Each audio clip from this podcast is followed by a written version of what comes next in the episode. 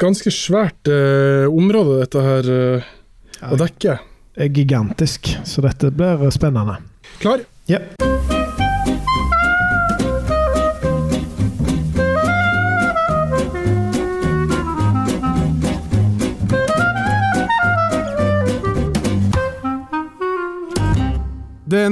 Ære å ønske velkommen til nok en episode av Kulturs vinpod. Mitt navn er Finn Erik Rognan, Jeg heter Jon Kåre Håvardsholm. og sammen så har vi drevet med vin i godt over ti år. Og eh, målet med denne podkasten er å gjøre gode vinopplevelser mer tilgjengelig for folket. Det stemmer. Vi skal ha det gøy, og i dag skal vi til et eh, veldig spennende og eh, ja, et stort område, ikke minst. Ja, herregud.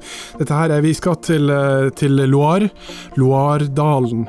Og, og dette er Vi begynte researchen på dette her, så bare slo det meg Herregud, dette her er altså et uh, gigavinområde. Altså mye større enn jeg av og til eh, liksom tenker at det er. Vi kunne sikkert hatt tre egne podkaster bare på dette området her. Men la oss få en liten oversikt her over hva som er, er Loire, hva, hva de lager her. Og, for det er et utrolig spennende område med en rik eh, historie, eh, og med masse gode viner. Ja, det er det. Og vi har jo vært heldige og, vært Mm. flere plasser i, eh, i Loire. Og, og vi har vært både i der elva renner ut, og så har vi vært i Sancerre. Som jo er da øverst og innerst, nesten. Ja, I hvert fall fra det som regnes som vin, eh, vinområde. Ja, sant. Eh, og jeg har et sånn levende eh, minne, hvis jeg kan få fortelle det. Vær så god. Vi, eh, en, var en av de første kulturturene vi var på dette her, så var vi i Sancerre. Og vi skulle på en måte bli klokere på Sancerre. Og så, på, et av de stikkene vi hadde, så skulle vi For, for du har jo da sant, som dominerer her. Og så eh, skulle vi ned til elva for å, å, ta, å ta det stikket. Og så kjørte vi langs Det er fascinerende å kjøre langs elva, for det ligger jo vinranke overalt. Det er veldig frodig, selv om vi var der på Vi var på våren som vanlig. Eh, og så husker jeg at vi stoppa, og, og eh, vannføringa på elva minnes jeg var ganske høy. Og det var når vi stoppa på eh, sida av veien der, og så hørte jeg liksom eh, nesten en litt sånn stille buldring av elva, hvis du skjønner. Og det var da det slo meg at herregud, for ei gigantisk elv. Eh, og, og så ble jeg stående og se litt, og, og vi gikk ned til elva, og vannføringa var såpass at det nesten gikk litt over sine bredder, så vidt jeg husker. Du vassa sånn litt borti deg for å finne perfekt vinkel. Så sto jeg så utover elva, så så jeg var litt sånn tåkebanker som lå eh, langs eh, vinranken. Det var liksom begynte å bli utpå formiddagen, så tåka var på vei å forsvinne. Eh, og så så jeg at disse eh, vinranken strakk seg liksom helt ned mot elva. Og da tenkte jeg at eh, denne elva her må ha sinnssyk innflytelse på hvordan vinene i dette området smaker. Og for meg som var liksom en av nesten første reis på sånne vinturer, så var det en sånn aha-opplevelse. Ja, det, men det stemmer, og det, det er vel ja, ja. Nesten alle plasser der vinranker ligger ved siden av elvene, så, så har elva en enorm påvirkning på, på vinmakingen. Og det stemmer jo selvfølgelig òg i, i Loire, og kanskje spesielt inne i Sancerre. Eh, for der er det litt mer kupert. Der er litt mer eh, bakker som går innover mot eh, elva. Så da får du mer den der doble effekten som vi har snakket en del om. Eh, annet når vi var inne i eh, Hardanger og Ulvik og så Mm. på sider med, med dobbel, eh, eksponering. Og det så vi jo i, i Loire, sant? Eh, nei, beklager, i, langs Rånelva, i Hermitage og, og i resten av Burgund, f.eks. Mm. Så, så det er veldig viktig da, hva elva gjør, både med området generelt, men spesielt med vinmakingen. Og med dobbel eksponering så mener altså du selvfølgelig at eh, sola kommer både rett ovenifra, ned på eh, vinplantene, og som en sånn refleks via eh, Mm. elva, så du får to, to kilder. Stemmer. Jeg er veldig klar for å dykke ned i de mange appellasjonene i Loire, Mm. men først kan vi ta en dykk i historikken. Ja, vi må nesten det. Her er det mye å ta av.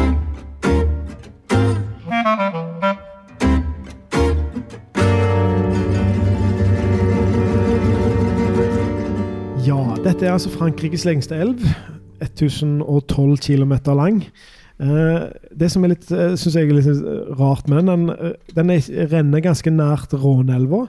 Eh, kun noen få kilometer vest starter den, men så renner den nordover, da, mens Rånelva renner sørover. Og så kommer den til, til Orléans, og så svinger den vestover. Um, for veldig lenge siden, 40 000-90 000 år siden, så bodde neandertalere der, mens moderne mann kom ca. for 30 000 år siden. Vi var jo i Lascaux-grotta og så på male, sånne gamle male, eh, hulemalerier. Og det er ikke så langt ifra Loire-elva, faktisk. Um, de er veldig viktige for um, um, handel og transport. Det var jo da våre gamle venner eh, romerne som brakte med seg eh, vinmakingen. En veldig berømt eh, romer, Julius Cæsar, han var oppe her og, og raida, og et av de store slagene mot gallerne Versingetorix sto i slaget ved Alessia, som er ikke så, er så veldig langt ifra Loire. Det er Plini den eldre han har skrøyt av vinen som kom eh, fra Loire-dalen. Og allerede på romertida så var vinen herfra veldig kjent. Um, så rundt år 500 da, etter Kristus, etter at romerne har forsvunnet, så begynner det å bli litt mer organisert. I 582 så hører vi for første gang om Sancerre. Uh, og så begynner da våre andre venner, eh, munkene, både ben, eh, eh, benediktinske og augustinske munker, tar arven videre i neste 500 åra. Så kommer Henrik 2. av England. Han uh, slo seg til der nede og, og raida litt. Det var jo hundreårskriger, det var masse kriger. Og han tillot bare vin fra Anjou, som ligger midt i uh, Loire, uh, og blir servert ved sitt hoff. Og de neste tusen 1000 årene, da, så var vin fra Loire-dalen eh, veldig eksklusiv. Veldig dyr. Det var den eh, fineste vinen du kunne få, eh, og ble servert ved alle hoffene i hele Europa. Um, så eh, andre viner ble også solgt eh, Litt mer enkle ble solgt til bl.a. hollandske kjøpmenn, som brukte det til å, til å lage eh, sprit. Den geneveren som de bruker, ble lagd mye av viner fra Loire-dalen. 1709, et veldig viktig år. Da eh, var det en usedvanlig hard vinter med temperaturer ned mot 20 grader, og det gjorde at tønner med vin eksploderte, faktisk. Eh, mange druesorter forsvant helt, men ei overlevde. Melon de Bourgogne, som er da den drua som vi kjenner fra Muscadet Surly-vinene. Helt ytterst rundt Nantes. Og Så kommer det et annet viktig år, 1789, eh, den franske revolusjonen. Langs med Loirelva så er det enormt mange flotte slott. Det kalles jo eh, eh, den eh, Chateau-dalen. Så Og det var jo rikfolk. Det var adel som hadde disse slottene. Og når da Robespierre og kjeltringene hans kommer og tar alle de eh, Det adelen og hogger hodene av dem mange av de fortjente det, men eh, kanskje ikke så brutalt. Så forsvinner faktisk eh, grunnlaget for eh, vinmakingen, for da er det jo ingen som vil kjøpe det. Så da ligger det veldig i brakk i 100 år. Og så eh, kommer da floksere på slutten av 1800-tallet. Den forferdelige lusa som dreper så mye av alle vinrankene. Så da må du starte for nytt der òg. Så da har du altså hatt 100 år med nedgangstider, og så kommer det noe som bare ødelegger alt. Så da, så da tok det egentlig veldig lang tid før uh, å bygge opp igjen Loire da, til det som det er i dag. I eh, 1936 ble regionen kjent som en AOC, uh, men så har han da sakte, men sikkert kommet opp på et, et veldig høyt nivå igjen. Så, så det var veldig kort om historikken til, til et av de mest spennende vinområdene i Frankrike. Wow, utrolig gøy å høre. Mm. Eh, Vi har jo vært på flere turer gjennom Loardalen, og eh, jeg skjønner hvorfor den heter liksom Chateaudalen. For det er altså også, det, det, det virkelig spektakulære slott Ja, som ligger, ja, som ligger nesten altså på hver haug. Ja. Fordi men noe de kunne, så var det å bygge slott i Frankrike. Absolutt. Og det er jo et uh, spøkelse i hvert slott òg, så det blir jo god historie. av det. Herregud. Du, skal vi starte i eh, jeg så, altså, For det er jo hele 87 appellasjoner i, eh, i Loire. Vi kan jo ikke stikke innom alle, men vi eh, går gjennom de som vi syns er gøyest. Ja. Eh, starter med Sancerre og Poifumé. ja. Det ligger jo i øvre Loire, helt innerst inne. Um, det er vel det som er det mest berømte området, eh, som har vinene som har eh, de mest, som er mest renom, eh, høyest renommé rundt omkring i verden. Mm. Um, for meg så er det det hvite som er eh, Sancerre og Poifumé.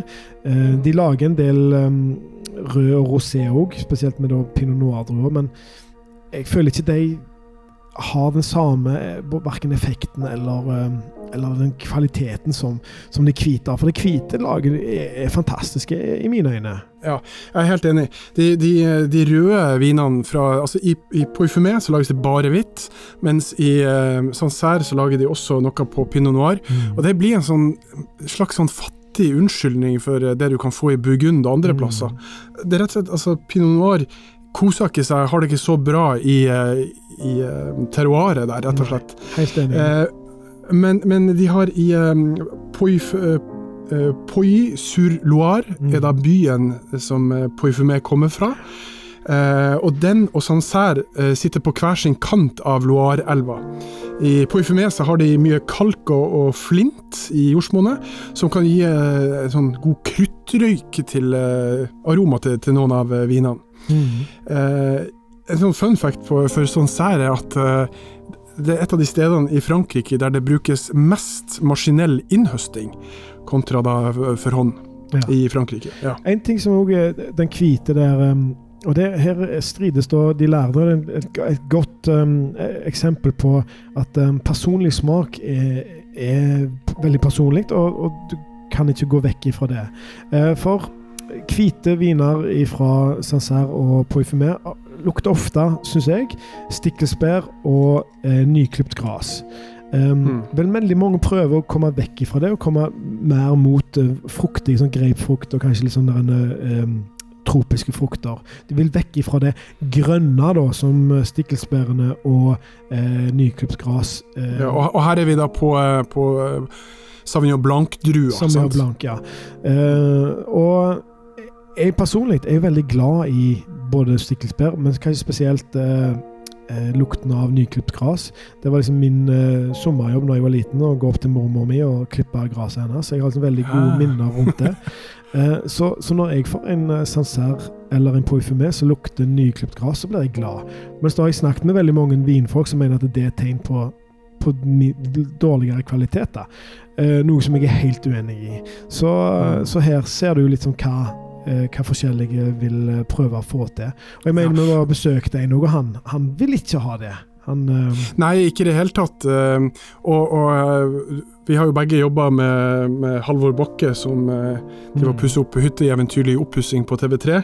Og han er sånn eh, Han syns det lukter kattepiss Ja. av Sauvignon Blanc, men han er sånn generelt Sauvignon Blanc i hele verden, for han er sånn Nei, det drikker jeg ikke. Eh, og det er sånn eh, Du kan ikke skjære det over én kam. Eh, men, men det er det er en spesiell type duft og aroma på, på Sauvignon Blanc, særlig fra Loire. Mm. Men ehm, vi var som sagt og, og besøkte en produsent i, eh, i Sancerre. mm. Eh, Domaine de Foisier, var ikke det? Stemmer. Veldig og- fint. Ja, det, det var eh, det var, det var også tidlig i vår eh, vinkarriere on the road. Og eh, En av de tingene som virkelig står ut fra den eh, turen eh, og det besøket hos Domaine de Faussier, var hvordan vi kom ned i kjelleren, og så så vi at de hadde så utrolig mange eh, gjæringstanker. Eh, og, og der han fortalte det at de vinifiserer hver enkelt parsell for seg sjøl. Der det er, er veldig vanlig at man blander forskjellige parseller, også på en måte for å få en, en spesiell type smak som man var eh, ønska. Så man blander forskjellig saft. Eh, og, og det var altså sånn på, på det nivået at vi, eh, vi gikk ut da i vinmarka før vi skulle smake på dette, og så husker jeg at vi, vi sto på ei vinmark, og så pekte han her er ei, og der borte er eh, den andre, og de 50 meter fra hverandre, ikke sant? Og de, og de smaker helt forskjellig. Og det var altså helt eh, mind-blowing for meg, altså. Mm, ja, det stemmer. Og det, det var jo nesten Det var en gammel vei som gikk eh, Skilte de. Eh, en romersk vei, faktisk. Uh, og Den ene sida var det mer flint og leire, den andre var nesten bare leire. Så, og det ga veldig s- distinkte, forskjellige smaker på vinen. Så det har alt å si. Mm.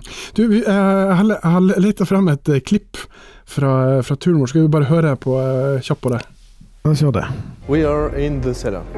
Very simple, uh, with a lot of tanks because we have a lot of different parcels on the estate, and we harvest and vinify each parcel separately.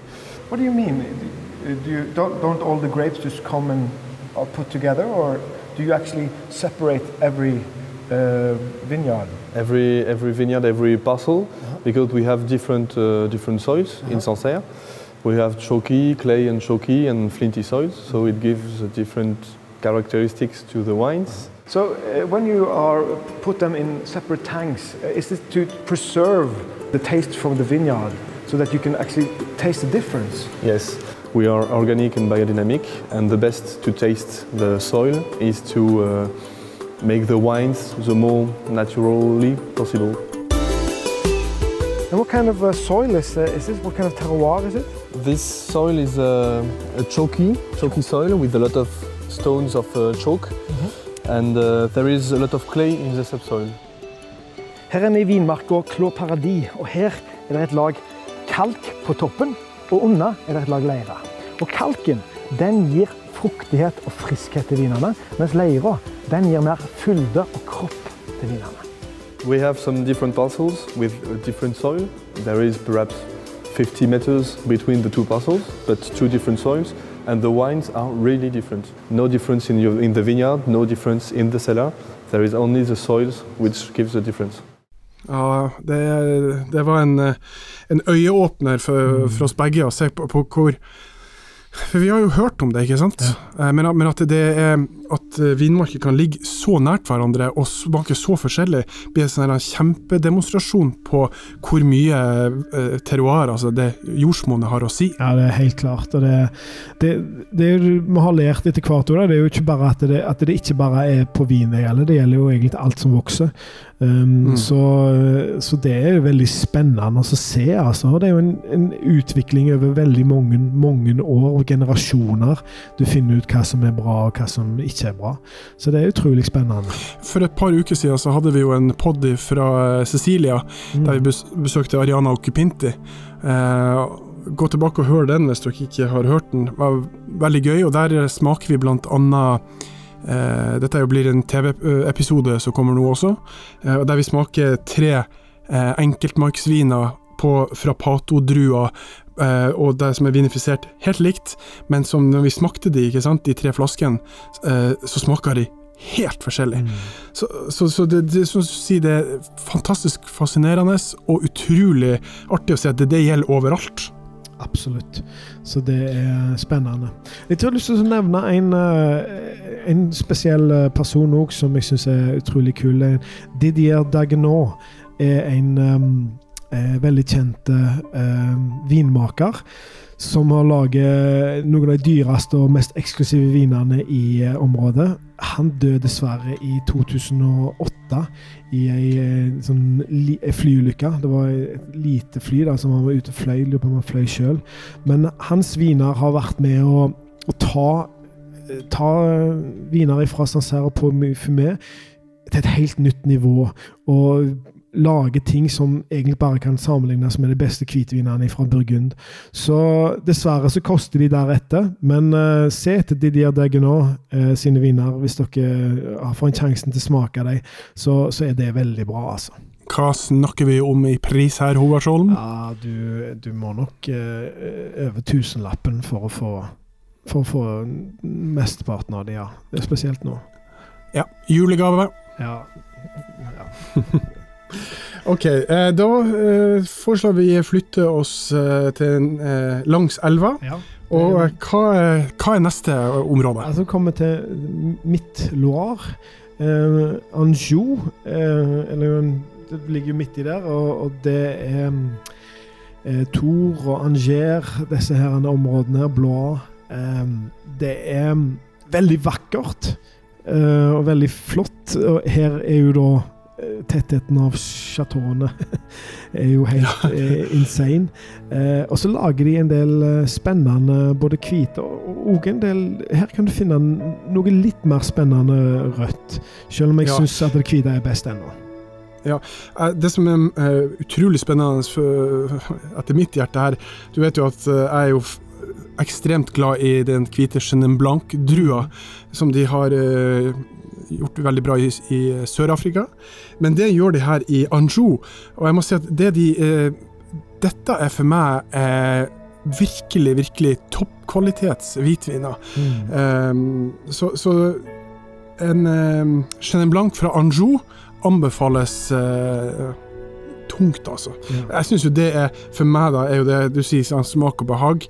Eh, du savner jo blank eh, eh, gress, grønt gress og uh, sommerminner, ikke sant. Mm. Eh, jeg Chenin Blanc er et godt hakk opp for meg, altså. Så, men jeg har sånne romantiske minner til den, eh, til den drua. Ja. Men ja.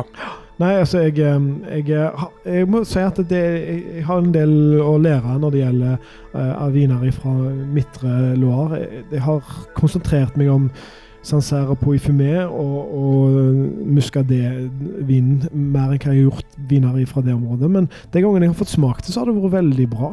Uh, så det, det man, man må jo ha noen hvite hull òg, sånn at vi kan uh, øve seg på å ja, sant. en unnskyldning til å drikke noe godt. Ja.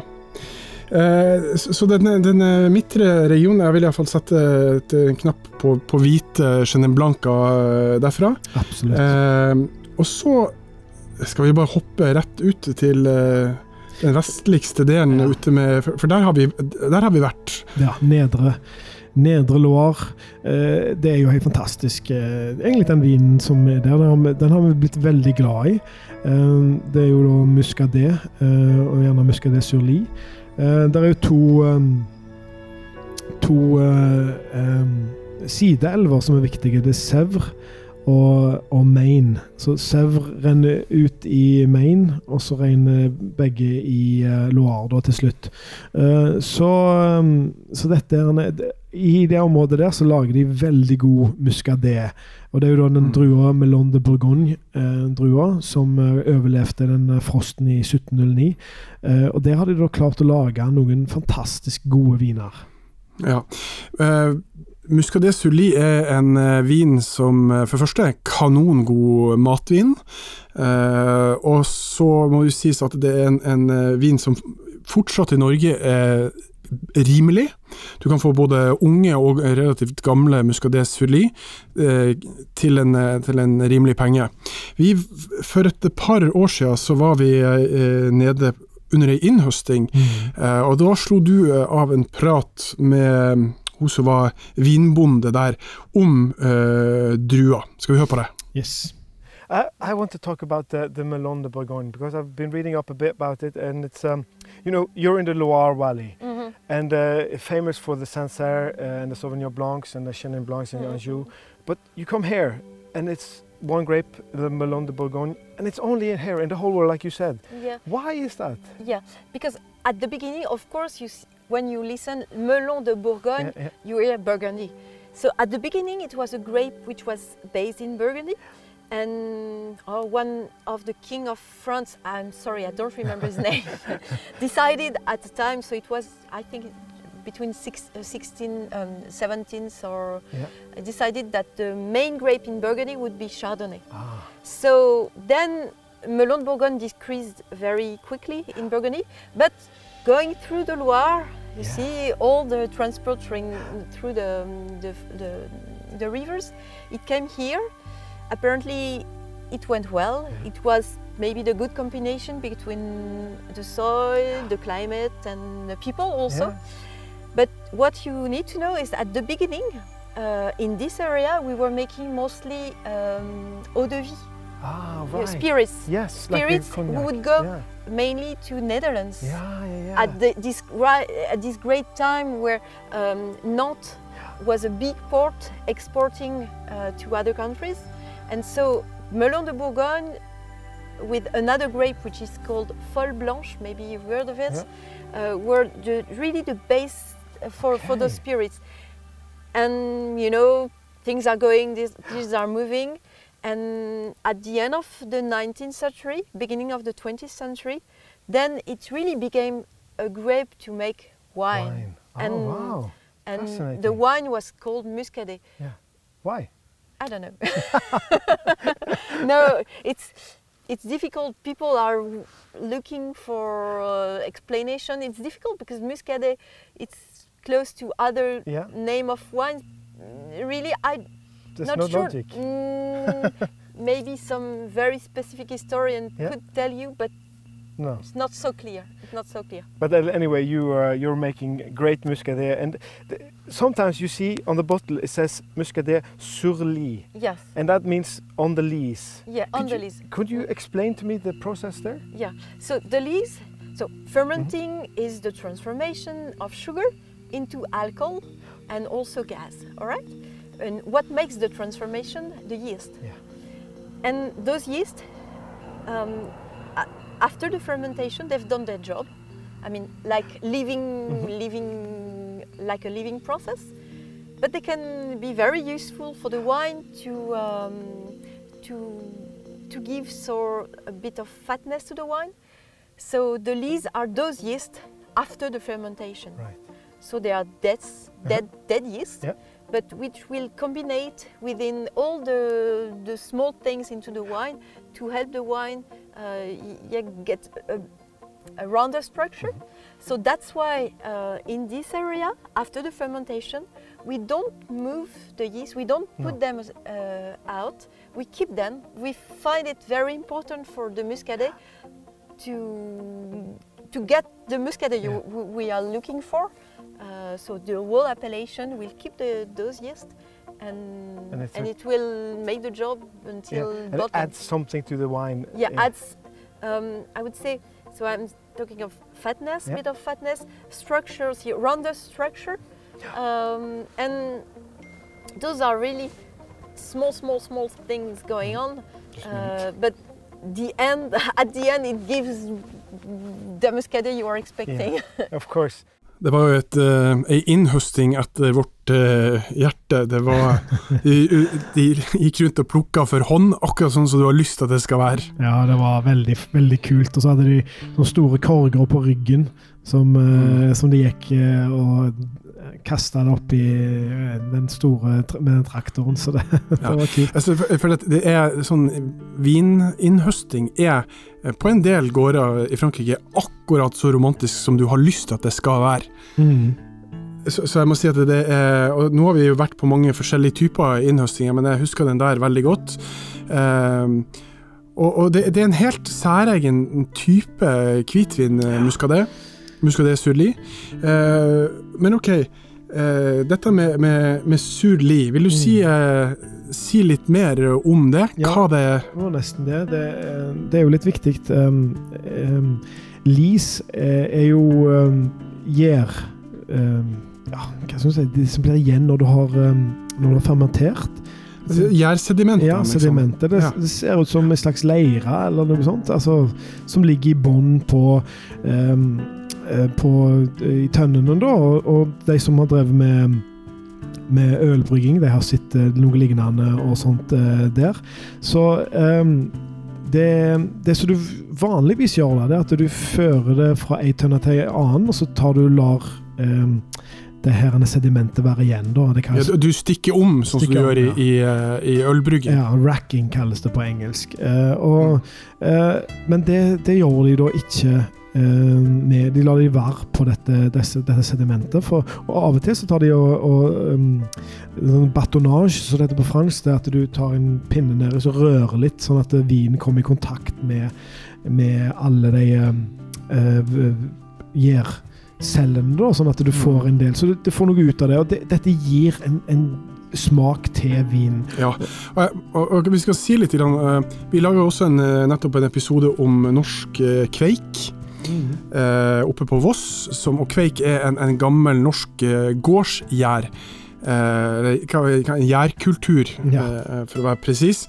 Uh, og der man Jeg tror vi lett kan tenke som, som lytter at det, men er ikke gjær bare gjær, men gjær er jo en smakssetter. Ja. For, gjær har mange smakskarakterer og er veldig viktig for smaken. Så det finnes noe annet enn idun gjær som du har i sant? Så, så, så, derfor vil det selvfølgelig ha masse å si for hvordan vinen smaker. Mm. Spesielt uh, Men det er liksom Noen vil ha det, noen vil ikke ha det. Det er noe du finner ut over tid. Uh, Melon de Bourgogne-drua den, den, har ikke så mye egen smak som f.eks. chardonnay. Så, så der, der, kan du faktisk legge til uh, visse ting da, for å få mer av mer smaker og, og, få mer karakter til vinen. Og det, det har det gjort, og det, det blir jo en vin som er helt perfekt. Og det er en perfekt matvin, er vi ikke enige om det? Ja, er du gæren. Jeg har eh, et klipp til her, for du snakka også med hun vinbonden mm. om akkurat uh, mat. La oss høre hva, hva hun sa. And, and finally, I have to talk about the food pairing, because one of the most enjoyable things when you are in France, especially on the coast, is having oyster. Mm. And every time we go to um, uh, a restaurant, they serve muscadet soli with mm, the oyster. Right. And it is a fantastic pairing. Why? Ha! Maybe because we are very close to the ocean. 50 kilometers far away, you've got the breeze. I mean, you don't have here. You've got the breeze of the ocean, maybe, but yeah. you have the real ocean, yeah. and um, so let's say wind brings iodine with it, yeah. and which helps the vine to be connected to the ocean. But okay, to answer maybe in a more technical way, I don't know.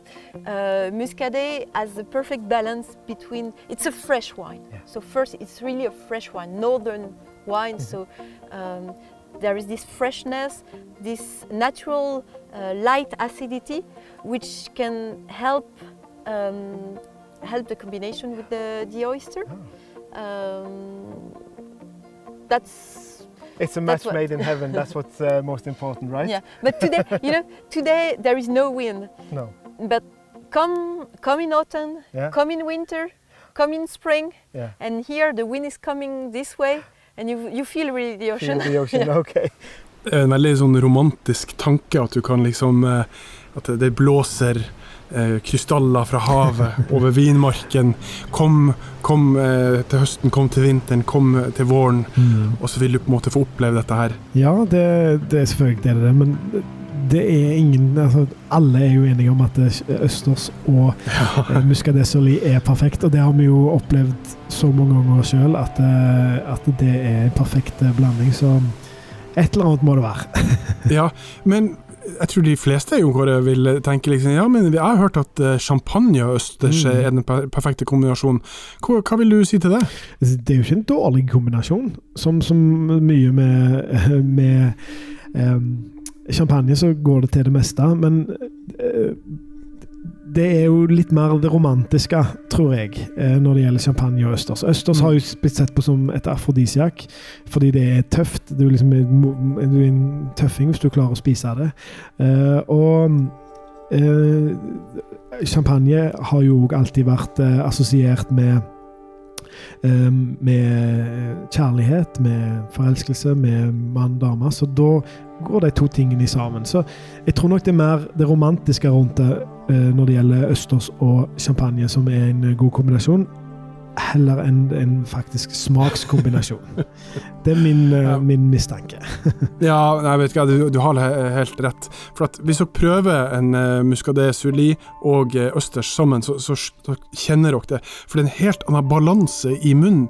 Uh, og østersen smaker bedre, og vin smaker bedre. Og da på en måte uh, Da er du der du, du vil. Eh, jeg tenkte at vi skulle vi, vi har selvfølgelig smakt Når vi var der nede, så smakte vi også på eh, eh, på en muscadet surli. Så vi bare høre hvordan, eh, hva vi syns om denne vinen. Yes. Herregud, det er tid for smaking. Ja. Hvor eh, heldige, har vi ikke det? Veldig. En Nydelig dag. Ja. Eh, Hva tror du eh, nå, eh, før du får eh, smakt og lukta på det? Vi har jo nå smakt druer, Mm. så da, eh, hva, hva slags assosiasjoner hadde du der? Det var jo ei drue som eh, var, var virka litt enklere Mm. Helt eh, enig. enn enn liksom Chardonnayen som vi fikk i Tariké. Ja. Eh, så jeg går ut fra at det er mm, Dette Sully-prosjektet deres må jo ha gjort noe, ellers så tror jeg at det er en litt kjedelig vin. Ja, ja. Eh, men ja, nei, jeg tipper også jeg får følelsen av at han er grønn. Ja. At den er grønn i stilen. Grønn i stilen. Men det er bare Jeg vet ikke. Mm. Nå er Sitrus. Mm. Melon, kanskje? Melon de Bourgogne. Ja. ja, sant? Sitrus finnes. Mm, det er jo grønne toner der også, men ikke så veldig Ikke så fremtredende. mye som kanskje man skulle trodd. Friske, god syre. Ganske lang Mm. ettersmak, men her kommer det grønne tonene fram. Mm. Et sånt Jeg spær. Um, Den, den, den, krever litt. Grann, da. Mm. den ikke Men i det at han krever litt, altså, så dette her er å, dette er en, eh, Jeg kjenner at dette kan være en veldig god matvin. Ja, sant. Mm. Helt enig. Det er så mye på slutten her som eh, ligger igjen i munnen, og det, det trenger liksom noe motstand. Ja, akkurat. Den beste sammenligningen jeg føler de gangene jeg liksom, drukker rød bordeaux Mm. alene. Ja. Sånn, Det er sånn her, han, åh, det er, det er nesten struggle Mm. å få det til. Så ja. Det er ikke fullt på det nivået, dette. Nei, det er det ikke. Det, det går an å drikke dette alene. Men eh, kanon. Eh, bra vin. Mm. Og eh, et poeng er jo det, at dette her er jo en vin som fortsatt er litt sånn uoppdaga i Norge. Ja, absolutt. Knallgode priser hjemme, billige viner eh, og utrolig god kvalitet. Så du forelsker deg i katten nå. Jeg tar den med hjem. um, så dette er jo da fortsatt et knallgodt kjøp. Veldig godt kjøp. Ja, Vi kan liksom ikke få eh, reklamert nok for hvor bra kjøp dette her er. Nei, det er helt sant. Det, var det fortsetter å være det. det. Det er jo helt utrolig. Men eh, jeg tror det liksom var et ganske fint overblikk over denne gigantiske vinregionen. Mhm. Det, det er jo eh, det som på en måte vi kan si i tillegg, er jo at eh, det produseres eh, enorme mengder med vin her. Så det, de står for veldig eh, mye masseproduksjon.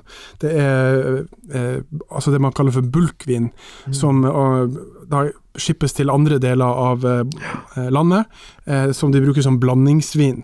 Eh, det er den største, det er den største produsenten av eh, kremant, altså yeah. boble, eh, og den eh, eh, nest største av boble etter champagne, da. Mm. Så det, det stemmer, det. Og det jo, viser jo litt av eh, all, all den kvaliteten og sånt. Så, eller alt de mulighetene som er i det området, hvor faktisk bra det er. Ja. Skal vi helt til slutt uh, gi hver vår anbefaling? Det må vi, vet du.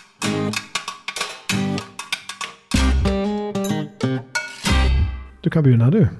Ja, jeg kan godt gå først. Jeg gjør litt sånn som Henrik den andre, som du nevnte i historiedelen din. Jeg vil gi eh, Anjou og Chenin Blanc til folket.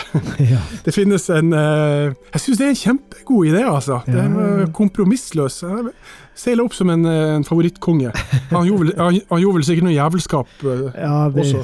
de, eh, de gjorde vel det alle sammen, så du, du er på Ja. god grunn uansett. Ja, ok, takk, takk.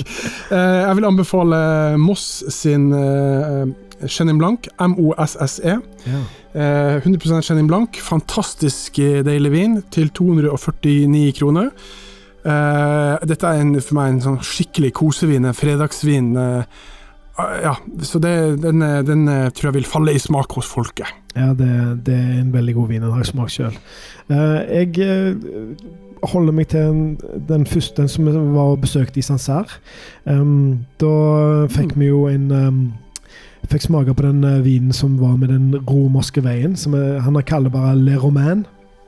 Det er ja, en uh, fantastisk god uh, Sancerre-vin. Uh, god, fyldige og fine. Knusktørr. Knallgod til mat. Uh, 279 kroner og 90 øre. Kjempegodt kjøp. Prøv den. Vanligvis er det jeg som anbefaler de dyreste vinene, men nå var jeg billigst for en gangs skyld. En gangs skyld. Er, mm, vi har et par meldinger på slutten her nå av episoden. Det ene er at uh, vi skal ha våre første liveshow. Og det skal vi ha uh, i Mo i Rana, i min hjemby. 7. og 8. desember. Det blir spennende. En, ja, vi gleder oss veldig til det. Det blir en uh, helaften med mat- og vinunderholdning. Eh, der vi har satt både eh, meny og plukka viner fra vingårder vi har vært på rundt i, i verden. Så eh, skulle dere tilfeldigvis være på Mo, eller har lyst til å stikke innom Mo, så er det da på Fjordgården den 7. og 8. desember. Det må alle mann stikke innom og være med på det, for det kan komme til å bli kjempekjekt. Vi planlegger også da nye liveshow andre plasser rundt i landet i 2019, men det kommer vi tilbake til. Ja, det, det gjør vi. Det blir gøy. Eh, ja, de neste fire poddene i sesong to her, Jon Kåre, det er litt spesielle podder. Hva, hva, kan vi si om de? Nå skal vi konsentrere oss om jul. Hva skal vi drikke i eh, adventstida? Så da blir det fire spesialepisoder der vi konsentrerer oss om eh, Vi har kalt det for ventevin. Og så er det vin til kaker og alt det søte. Så er det jo til middagene, og til slutt skal vi ha en egen på festen rundt nyttårsaften. Ja, vi skal altså eh, tipse. Dette blir tipstungt, der vi ja. i disse her vanlige podene eh, har ett tips hver. Så kommer vi være sjenerøse med tipsene våre i eh, de julepodene, som eh, hører høre bør i desember. Selvfølgelig. Det er både, eh, både, spennende sånn sett, og da er vi jo fri til å være i hele verden, så det er ikke nødvendigvis at det kommer bare til å være fra Frankrike eller Italia. Sånn som det gjerne blir. ja, sant. Jeg håper du hører på, mamma, for jeg kommer til å anbefale både Madeira og portvin, og det vet jeg at du liker. Ja, det er bra. Men da sier vi eh, tusen takk for uh, følget, og så høres vi neste uke til uh, den første julepodden. Det gjør vi, vet du. Ha det bra.